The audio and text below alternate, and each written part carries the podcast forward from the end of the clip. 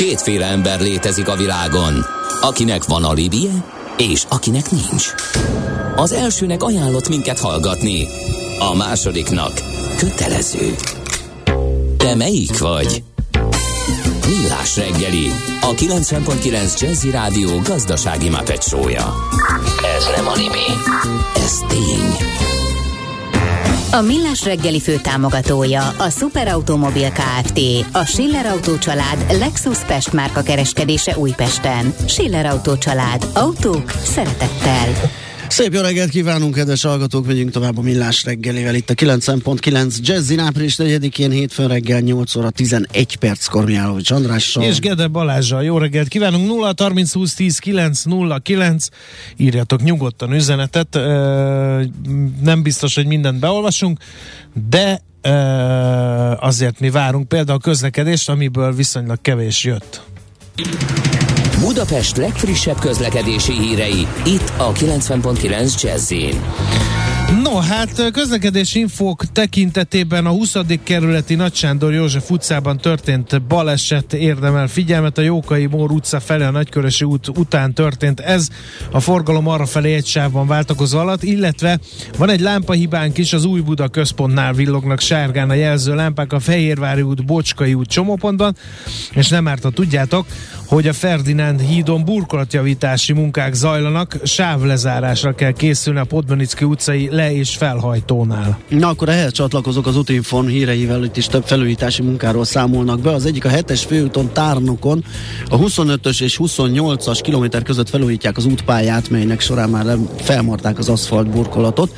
Az egyenetlen burkolaton sebességkorlátozás is bevezettek, óvatosan vezessenek, ma vagy vezessetek, ma aszfaltozás kezdődik, napközben a fél útpályát lezárják, jelzőrök irányítják majd a forgalmat, ennek megfelelően torlódás várható.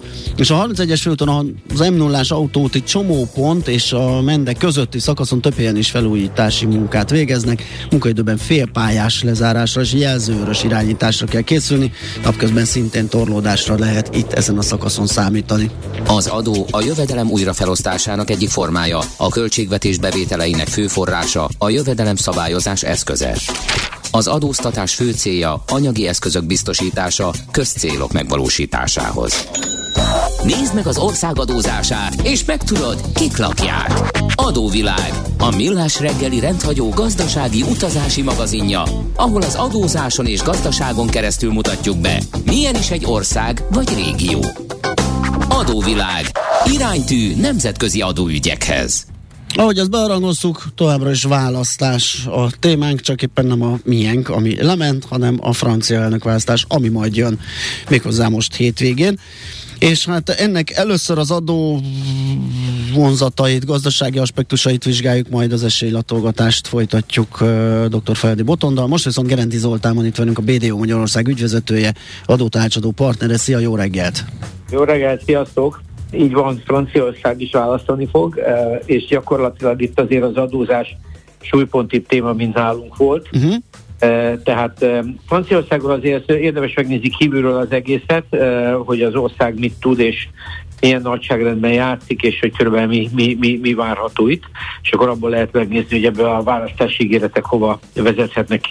Most a világ hetedik legnagyobb gazdaságáról beszélünk, uh, amióta az angolok kiváltak az EU-nak a második legnagyobb uh, gazdasága, tehát és a G7, amiben nincs benne India és Kína, uh, amelyik egyébként a világ top 10 éve benne volna, ott, ott az ötödik legnagyobb uh, gazdaság Franciaország, Németországnak körülbelül olyan 70-80 százalékát tudják e, elérni, ami elég-elég jelentős, tehát e, egy, egy, e, egy nagyon erős gazdaságról beszélünk, ami nagyjából teljes vertikum, és az ország is egyébként ásványi kincsekben, rengeteg mindenben nagyon gazdag, tehát szén, masért, bauxit, cink, uránium, egyébként 58 atomerőműjük van, uh-huh. és ez, ez őket most a jelen pillanatban a legtisztább energia termelőké teszi ami, ami szerintem önmagában egy, egy, egy nagyon komoly eredmény. E, energia egyébként, az energiaválság őket is érinti, mert importálnak is energiát, de nem olyan mértékig. Tehát ez egy, ez egy, ez egy érdekes dolog, mert az energiáknak például jelentős része még a hegyi területekről is jön. Most egyébként egy 67 milliós nemzet, és Magyarországnál nagyjából 6-7-szer nagyobb, 640 ezer négyzetkilométeres. Ország az egyfőre jutó GDP az 44 ezer, ami kb. 15 ezer köz képest, tehát kb. háromszoros. Hát ez egy elég, elég erős gazdaság költségvetés oldalról már nem áll ilyen szépen. A költségvetési hiányai azok éveken keresztül a, a Covid előtt 2-3 százalék eh, hiányjal mentek. A Covid-nál ez megugrott 15 százalékra, majd ezt 21-ben próbálták 12-re visszahozni, eh, ami nagyjából sikerült is, de azért ott látszik, hogy ez egy elég erős kilengés volt, tehát a, a beavatkozás erős volt, ami őket annyiból érintette, hogy, eh, hogy az államadóságuk 95 százalék százalékra föl, hanem 115 százalékra. Tehát eh, ez egy jelentős eh, adósságnövekedés volt. És ami még rossz hír a francia gazdaságnál, ahogy eh, a text to GDP, tehát a GDP arányos adóterhelésük az OECD listán, ahol abban szintén a legnagyobb országok vannak alapvetően jelen, 45,4 százalék. Tehát ott a második helyen állnak. Az OECD átlag 33,5 százalék. Tehát az egy, az egy 10 százalékkal van, 12 százalékkal vannak az OECD átlag fölött. Hát az, az, az, egy nagyon, az nagyon sok. Egyetlen egy ország übereli őket, Dánia 46,5%-kal. Tehát azért látszik, hogy hogy ez egy, ez, egy, ez egy problémás helyzet, és ez, ez nagyjából meghatározza azt is, hogy mi várható itt a, a, a választásokban. Tehát a, a, a, a francia adórendszer az az adótanácsadóknak egy nagyon kedves terület, mert kellően bonyolult, kellően sok adó, tehát egy... Hát ott, aki tudja, ismeri a járást, az tud keresni igen, tanácsaival. Így, így van, de, de az adóanyagok annyira nem szeretik, és itt voltak különböző hullámok is, tehát, uh-huh. a, a, tehát nagyon adóreformra érett rendszer volt ez, ami, ami azért érdekes, mert, mert ők például a gazdagéknak egy részét elveszítették, tehát már korábbi években. Most gyakorlatban a különböző adókkal, tehát a vagyonadójuk van. Az mit jelent, hogy a gazdagok átcsoportosították, máshol tartják a vagyon? Kiköltöztek, igen, kiköltöztek. Franciaország egy úgynevezett exit próbálta kezelni, az EU-n belül szintén nem működne. Szóval Franciaország úgy nézett ki, hogy minden adóra kinyújtózott, és e, igazából a gazdagoknak egy elég kedvezőtlen klímát teremtett azáltal, hogy, hogy a, magát a vagyonukat, az ingatlan vagyon még pluszba, és ha kimentek, azt is megadózták. Tehát így, így, így került ki jó egy pár francia Oroszországban például. Gerard Depardieu például, így van, ugye? 12 százaléka, most már 15 A leghíresebb orosz-francia hát, színész. igen, igen, igen. Tehát azért a, a, a francia adózás az, az, az nem, nem volt sose egy, egy túl kedves terület, kellően bonyolult, kellően kiterjedt, és emiatt nagyon, nagyon problémás, hogy végigmegyünk rajta, hogy körülbelül nagyjából mi, mit, mit mutat.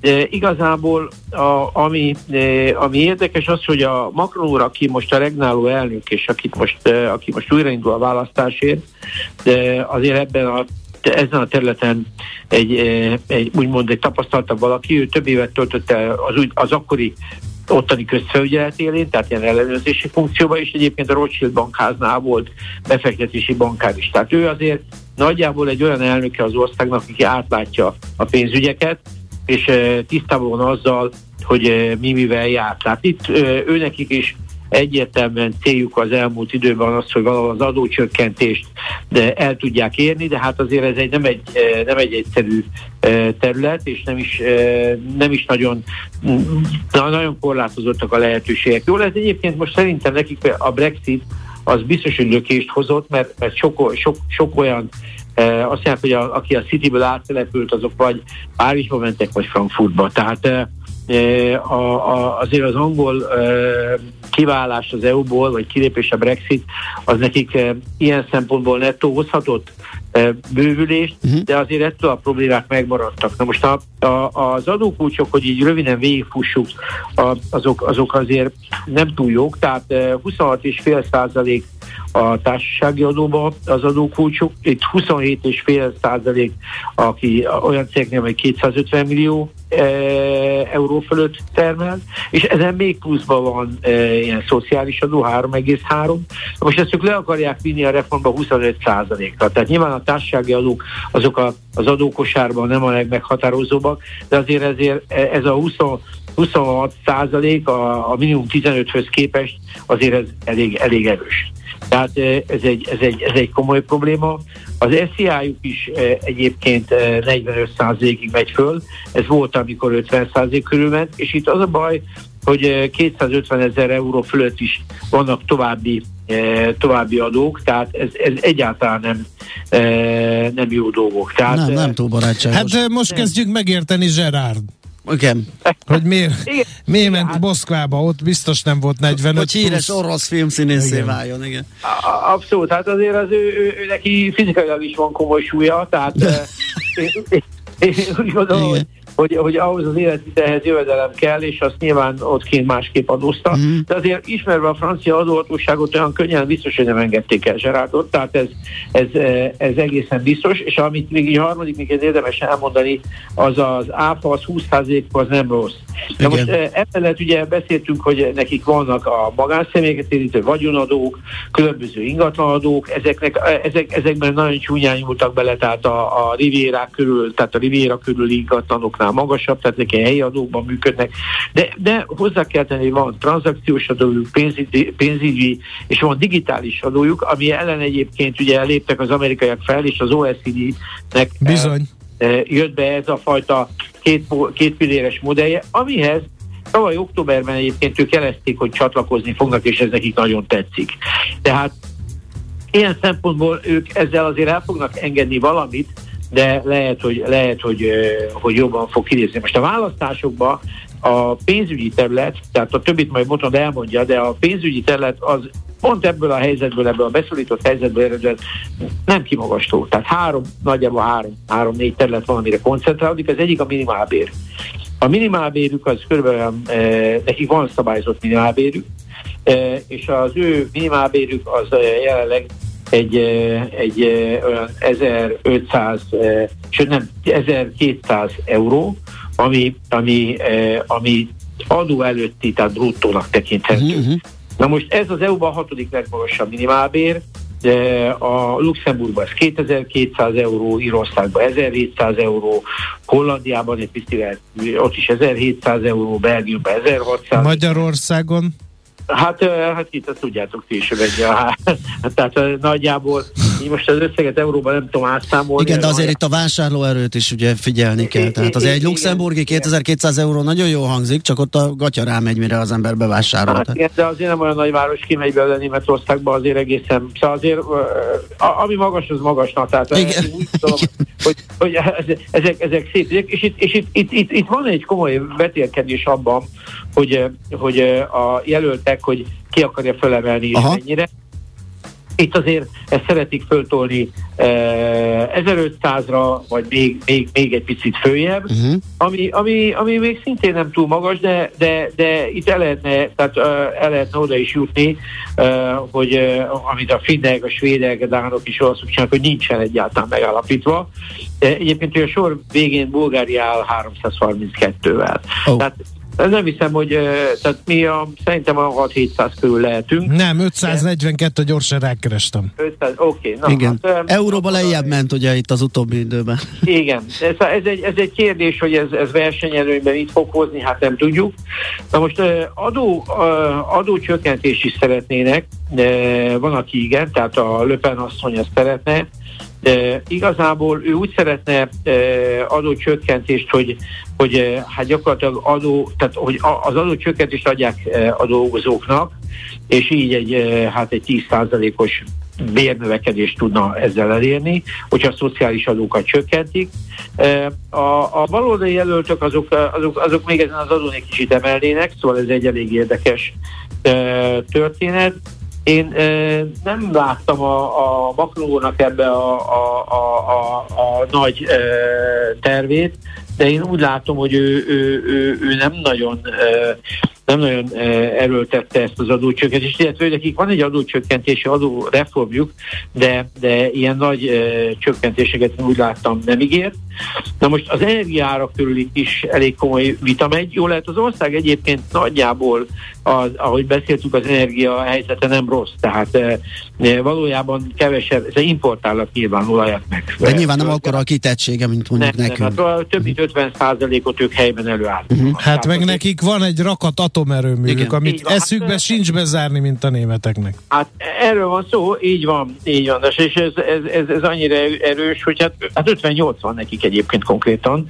Tehát ez komoly, és most amit, amiről szó van, az az, hogy fagyaszták az árakat, tehát itt, itt, itt ez egy kérdés. A Löpen azt, azt mondja, hogy, hogy a 20%-os áfát le kéne venni 5,5-re, és azáltal stabilizálni a piacot, tehát ő egy adócsökkentés, még más azt mondja, hogy, hogy, hogy teljesen szültessék meg rajta az áfát, ez kicsit, elég... kicsit populista ígéret, hogyha nem látjuk a másik oldalt. Azért 20-ról 5 félre levinni az áfát, úgyhogy nem látni, hogy a költségvetés bevételi. Hát, igen, hát ugye ez az ellenfél. Én úgy látom, igen. hogy a, a Macron úr ebbe igazából nem, nem ment bele. Ami viszont látszik, hogy ők államosítani szeretnék, és ez több jelöltnél is előjön, a, az EDF-et, tehát az ő elektromos cégüket. Aha. Így is az egy többségileg állami cég. Franciaországban az állami hányad az elég jelentős az iparban is, de, de e, gyakorlatilag ez egy cél, hogy államosítsák, és így ezen keresztül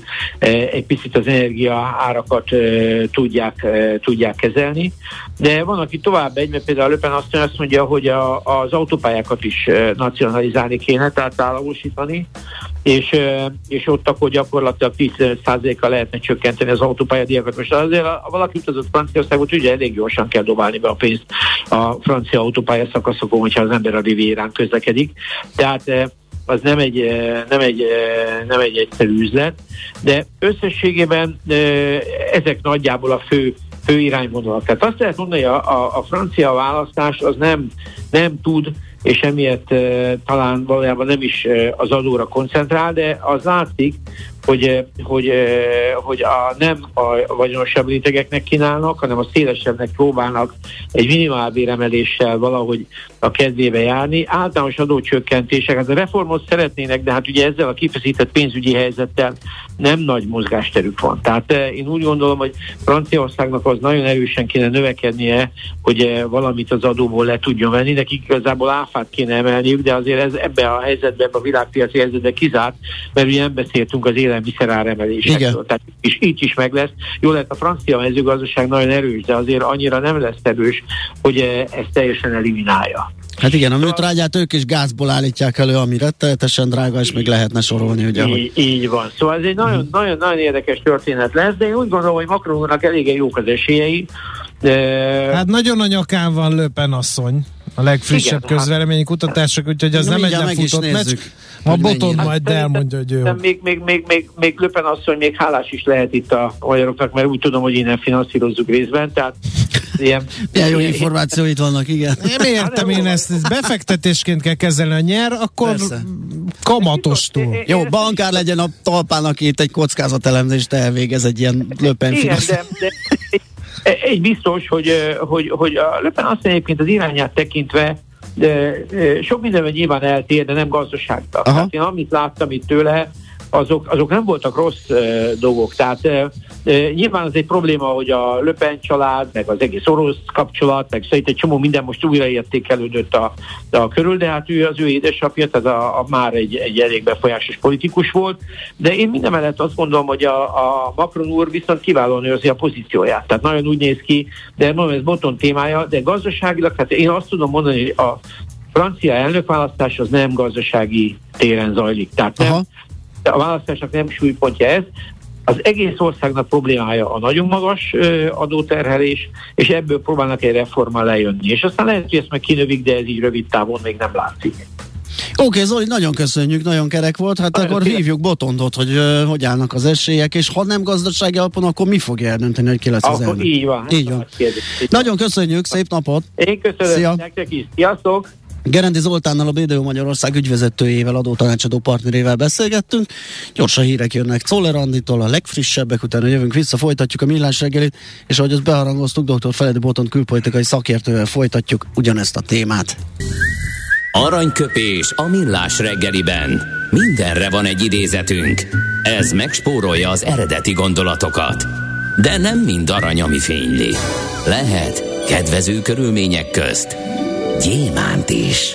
No hát Spiró György Kossuth Díjas magyar írót költött köszöntjük születésnapi alkalmából 1946-ban született ő április 4-én, és eh, hát eh, egy nagyon érdekes és gazdasági szempontból megfontolandó mondatot osztunk meg a középszerrel, amely intőjel lehet Magyarország számára is.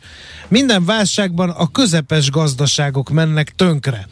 A fejlettek kivédik, a fejletlenek észre sem veszik. Igen, ez egyébként teljesen így van, de szinte az egyén szintjén is. Tehát, hogy amikor a középosztály elvesztéséről beszélünk, uh, hát ez sokszor uh, ott is így megy, de a cégek életében ez egy abszolút helyes és jó meglátás, sajnos.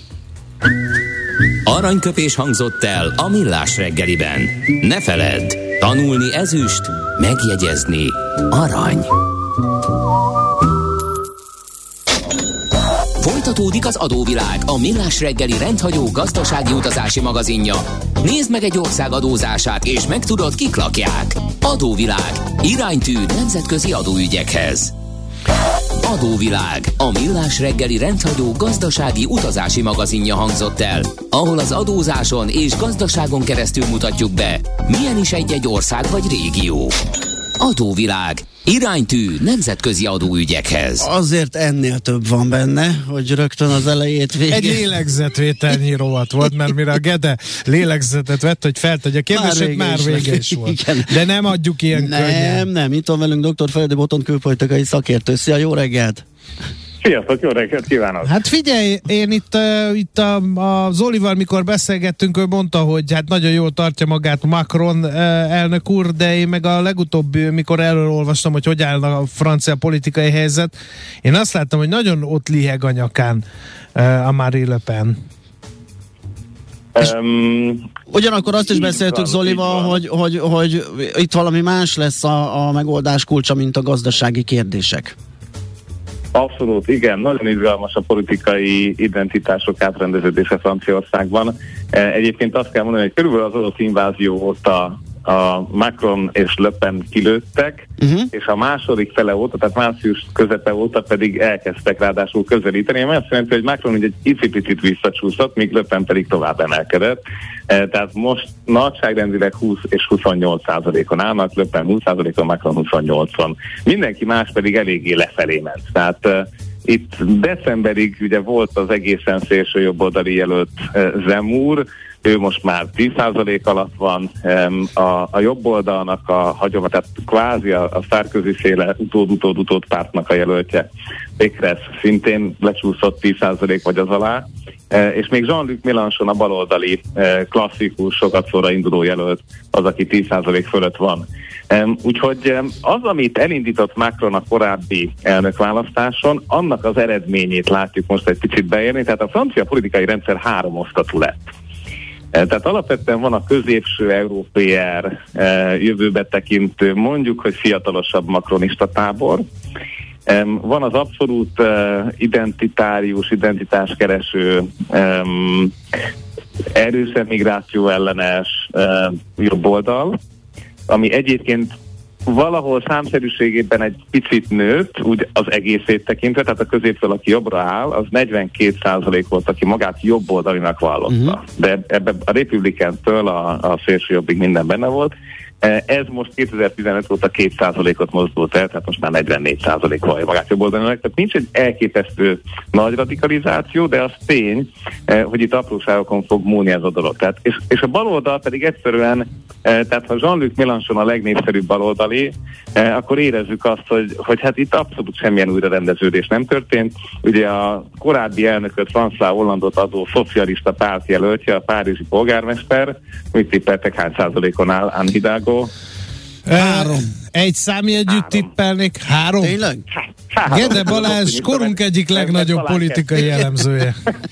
talán, talán kettő, lehet, hogy három, de de hogy hát teljesen le van mosva, el van tüntetve, nem is tudunk a szocialistákról, lényegében nem létező játékosok, tehát nem tudtak egyszerűen megold, megújulni, nem tudtak elszámolni az hollandféle elnökségnek a jó és a rossz oldalaival se.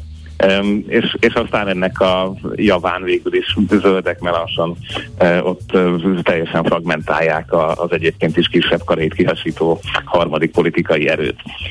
Úgyhogy, úgyhogy egészen izgalmas lesz, mert hogy az lesz a kérdés, hogy uh, a Zemúr és a Pékres szavazókból ki az, aki adott esetben egy Macron Le Pen második fordulóban át fog szavazni egyik vagy a másik jelölt. Uh-huh. Um, tehát ez, ez a játék indul most el, ugye most lesz első forduló hétvégén, és aztán meg. Figyelj, Macron mögött van már politikai párt, mert ugye ő egy ilyen uh, outsiderként futott be a francia uh, elnöki palotába, és uh, mondták, hogy az egyik legfontosabb uh, problémája az, hogy tud-e majd tömegbázis szerezni magának. Um, Nézd, hát azért ezek a számok azt mutatják, hogy igen, ugye ez a, ez a reneszánsz, mm, tehát újjászületés, mozgalom per párt, ez lényegében azért pártként működik, akárki akármit is mond rá, és most tartottak egyébként, tehát egy héttel a választás előtt az első nagy gyűlését. Tehát Európa legnagyobb koncert arénájába, a Párizs negyed mellett Nanterben 30 ezer embert gyűjtött össze, ami hát azért nem a, nem a világ vége. Um, és ami, ami egyértelműen látszik, és ez egy nagyon izgalmas kérdés, különösen mondjuk a magyar választásoknak majd az elemzése szempontjából is, hogy a franciák nem annyira értékelik Macronnak a teljes külpolitikai elfoglaltságát.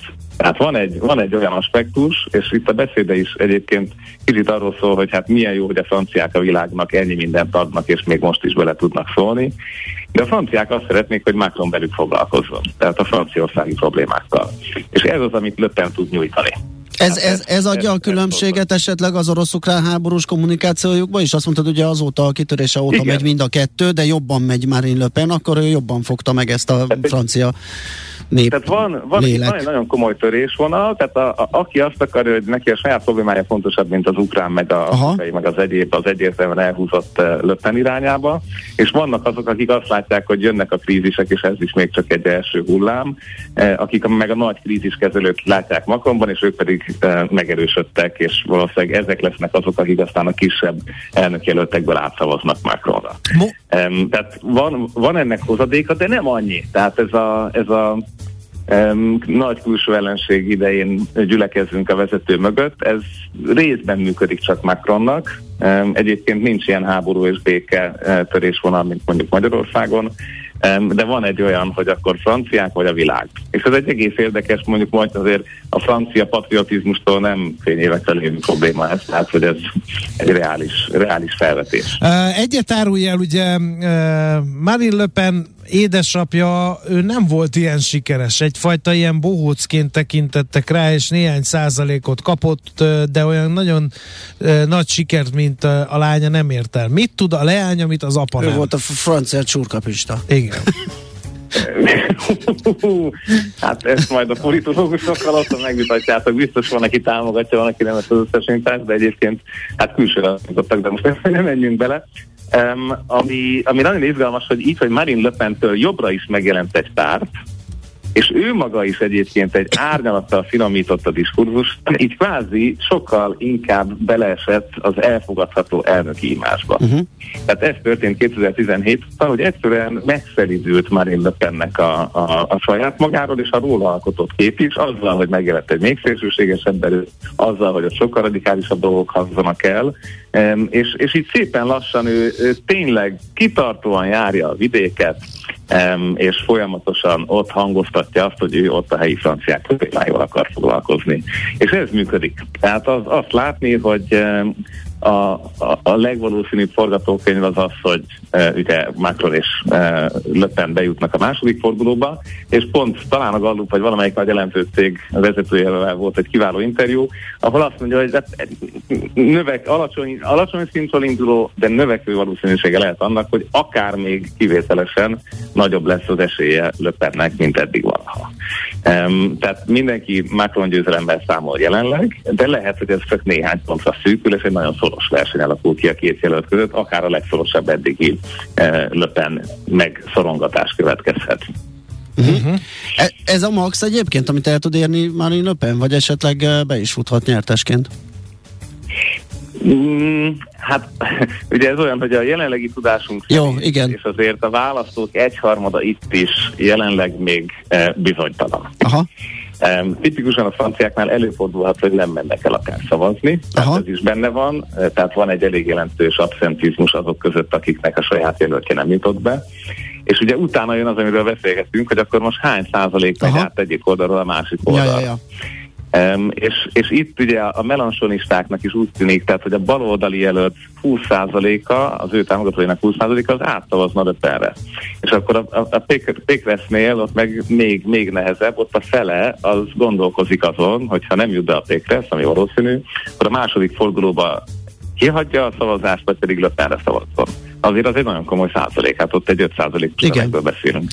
Um, tehát ezeknek a mozgása lesz izgalmas, és hát nyilván a két forduló között még élesebb lesz a csata, amiből eddig Macron kimaradt. Tehát azt is mondhatnánk, hogy nő a politikai kockázat, mert nő a kommunikációs felület. Ugye Löpen fogja azt hozni, amit tud hozni.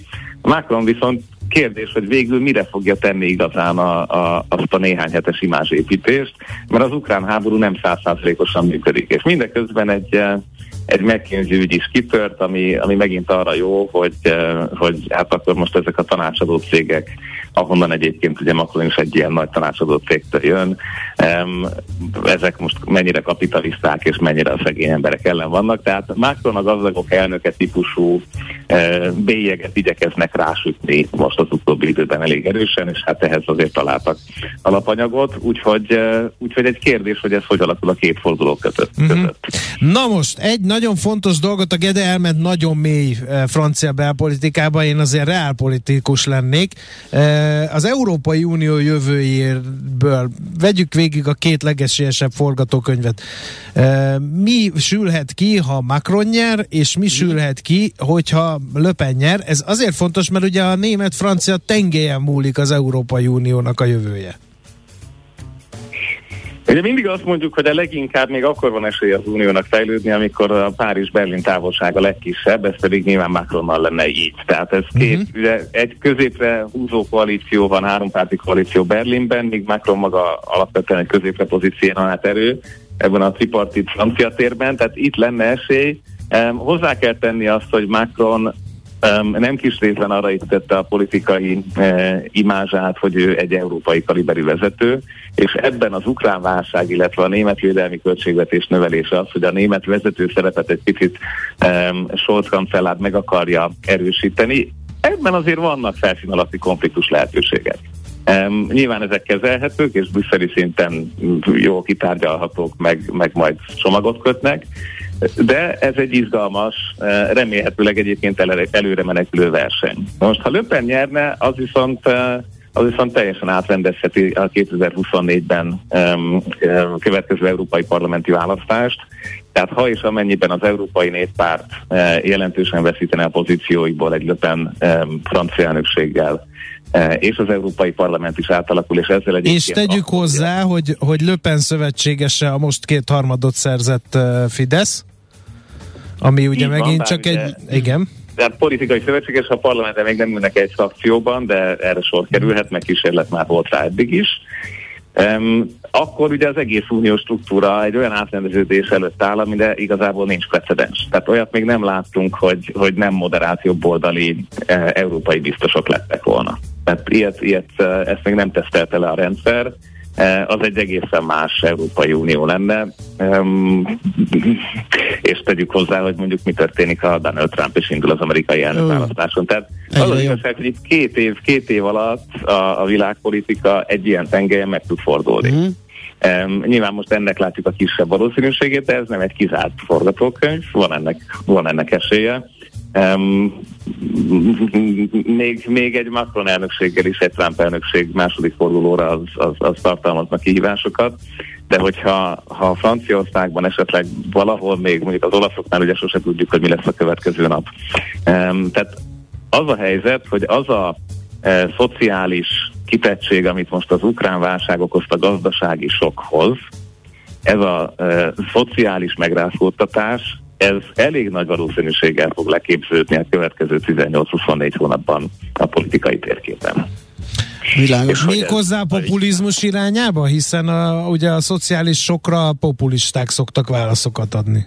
Hát a populista ugye bal szílen meg a jobb szílen is található, a franciáknál most éppen a jobb szél erősebb ebben, de mondjuk a spanyoloknál ugye látunk balos kísérletet erre, de semmiképp se a kompromisszum kereső moderát, alapvetően az európai intézmények berendezkedését támogató erők lesznek azok, akik ezt nagyobb eséllyel tudják meglovagolni. És ugye innentől kezdődik a, a probléma, mert ez az egész intézményrendszer erre a 45 éves tapasztalatra lett építve, hogy mindenki akar kompromisszumot keresni. Most ha ide bejönnek ilyen politikai kommunikációban utazó erők, akik adott esetben nem is láttak még ilyen intézményi működést igazán belülről, vagy nem is ez érdekelte őket, az egy óriási hát, társadalmi kísérlet, hogy más nem mondjak, um, aminek a kimenetele hát momentán megjósolhatatlan. Világos. Na jó, akkor tizedikén most vasárnap első forduló, rá két hétre a második, meglátjuk, hogy... Hát, kössük be a biztonságérveket. Igen, azt hiszem ez a legjobb tanács. Köszönjük szépen, Boton, szép napot! Nektek is, Szia! Dr. Feledi Boton külpolitikai szakértővel e, próbáltuk meg az esélyeket felmérni a francia elnök választást illetően. Most megyünk uh, tovább, zenélünk, és utána pedig jön a Before the Bell rovatunk. Van egy mágikus hang a parketten, amire minden színes öltönyös bróker feszülten figyel. Ha megszólal a csengő, jöhet a roham. Báj vagy szel, vétel vagy eladás. Persze minden attól függ, mi történik a csengő előtt. Before the bell. A millás reggeli amerikai piaci rovata, hogy tudjuk, melyik gombra nyomjunk, még mielőtt a Wall Street kinyit. Részvényosztály, vigyáz, becsengettek. Na, becsengettek bizony, viszont a szakit nem értük el, vissza kell hívnom, mert a vonal műszaki állapota nem olyan volt, mint amivel jót lehetne beszélgetni, úgyhogy próbálkozom újra. Ö, nem tudom, hogy van-e elég SMS muníció nem, ahhoz, nincs, hogy, erre sem építhetsz apukám. Arra sem, akkor itt egy megoldás marad, kérem tisztelettel.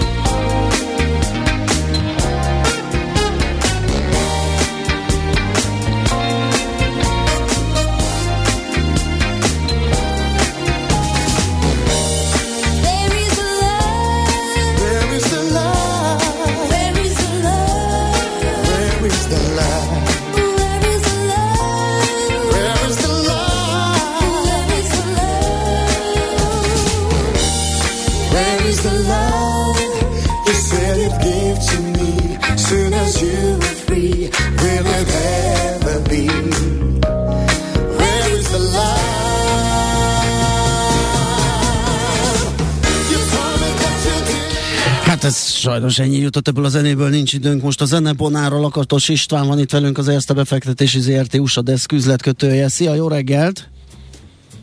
Sziasztok, jó reggelt! Na, nézzük, milyen hét előtt áll. Amerika egész jól zártak pénteken, ugye pluszban volt mind a három index, amit vizsgálunk, nézünk.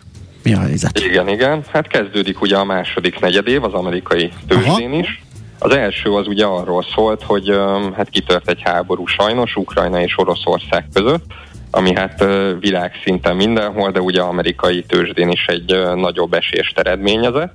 Ezt, mint mondta, gyorsan megvették viszonylag, tehát ismét nagyjából ilyen 5%-ra vannak az amerikai indexek a, a csúcsoktól.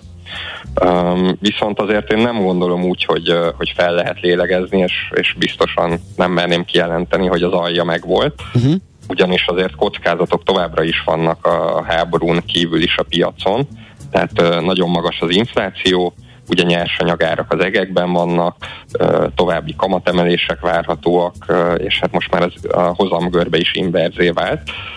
Tehát vannak azért negatív jelek, viszont hamarosan érkeznek majd az első negyedéves jelentések, amikből majd ki fog derülni, ugye, hogy az amerikai vállalatok ilyen környezetben is tudnak-e növekedni, illetve hogy, hogy az emelkedő költségek azok milyen hatással lesznek ugye a profitabilitásukra, mert hát ez lesz igazából fontos. A tőzsde ugye akkor fog tudni tovább menni, hogyha a cégeknek az eredményei is, is tovább emelkedik. Kicsit beszélnék erről az inverse hozamgörbéről. Jó, jó, jó, erről most sokszor esik, és kevesen magyarázzák el, hogy mi ennek a jelentősége. Igen, igen, ez egy érdekes jelenség. Um, igazából ugye, hogyha a pénteki uh, kincstári hozamokat nézzük, akkor a két éves az 2,46%-ra emelkedett, és a 10 éves az pedig 2,39%-on volt Amerikában. Ez igazából azt jelenti, hogy úgy megnőtt a kereslet a hosszú távú állampapírok iránt, hogy a rövidebb távú kötvényekkel most magasabb hozamot lehet elérni. Ez ugye nem teljesen normális, mert hát klasszikusan ez úgy működik, hogy minél hosszabb távon vállalunk ugye kockázatot, annál magasabb uh-huh. hozamot kapunk. És amikor ez megcserélődik, ez jellemzően azért van, mert félnek a befektetők attól, hogy egy gazdasági lassulás fog következni, és, és úgy gondolják, hogy a részvények, vagy részvénypiacon is inkább esés várható.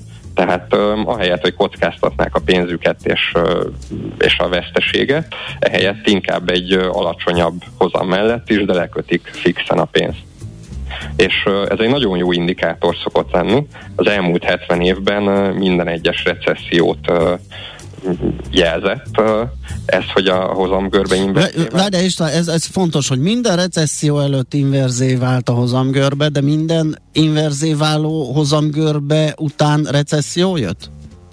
Nem, egy alkalommal Aha. volt fals jelzés, ez 1965-ben volt, akkor utána 5 évet kellett várni, tehát én azt mondanám, hogy az, az nem volt egy jó jelzés, de egyébként minden alkalommal 6 kötőjel 18 hónappal később jött a recesszió. Aha, Tehát, hát az az egy kivétel, az kevés fogózó. Azt hittem, hogy esetleg meg tudjuk fogni statisztikai oldalról ezt, hogy nem kell feltétlenül elkenődni, nem mindig van az úgy, de hát azért ez lássuk be, hogy mégis. Igen, tehát az, azon az egy egyen kívül uh-huh. uh, mindig két éven belül recesszió volt az elmúlt 70 évben, tehát uh, fel kell erre készülni szerintem. Érdemes tényleg a kockázatot minél jobban kerülni, és és aki a részvényeknél marad, mindenképpen a, a stabilabb, komoly fundamentumokkal rendelkező cégeket kell szerintem most keresni.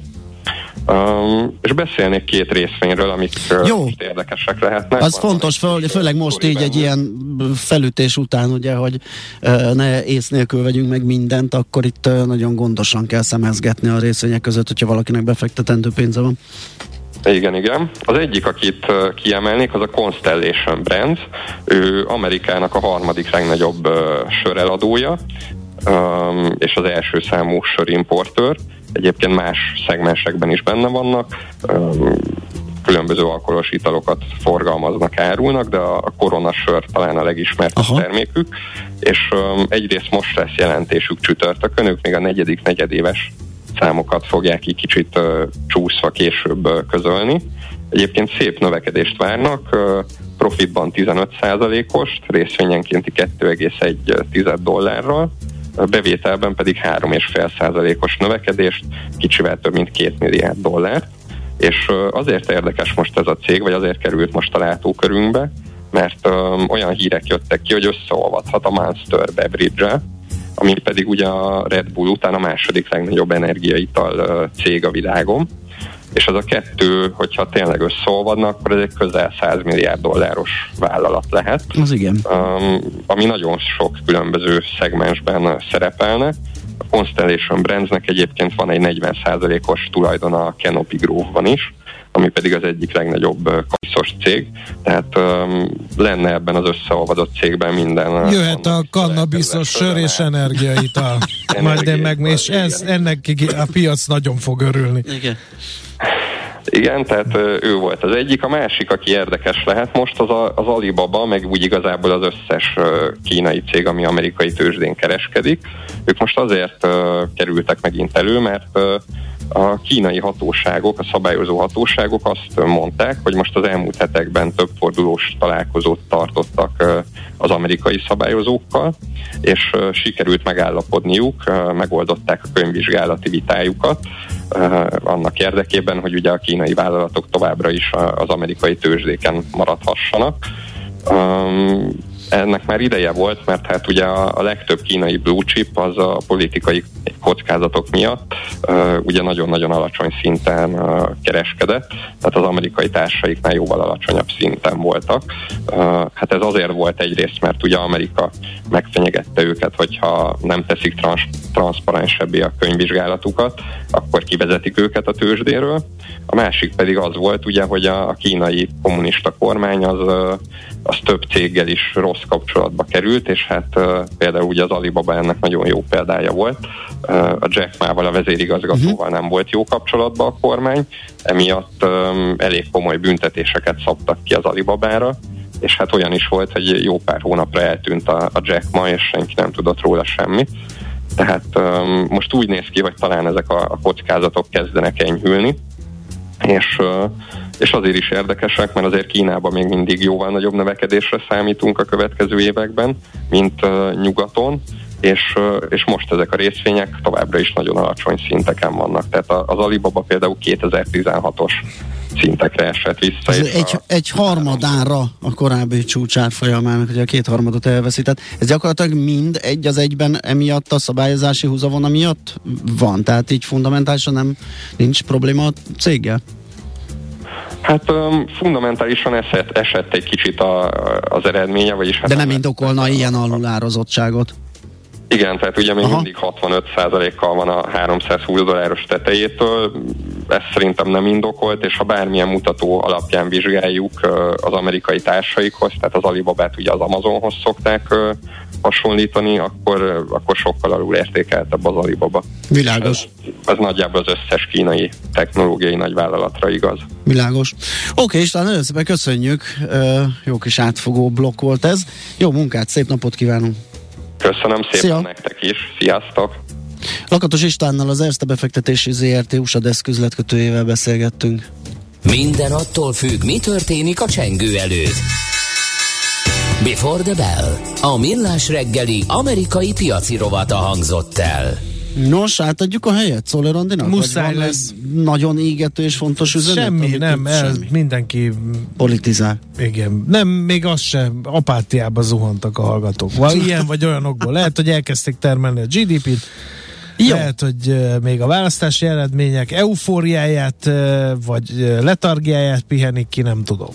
A lényeg az, hogy nálunk hírek jönnek, Czoller Anditól utána jövünk vissza, folytatjuk a millás reggelit itt a 90.9 Jazzin, méghozzá Mihálovics gazda rovatunkkal, a mezőgazdasági gépek piacát fogjuk átnézni, mert hogy itt a kopott traktortól a high-tech combining az égvilágon minden van.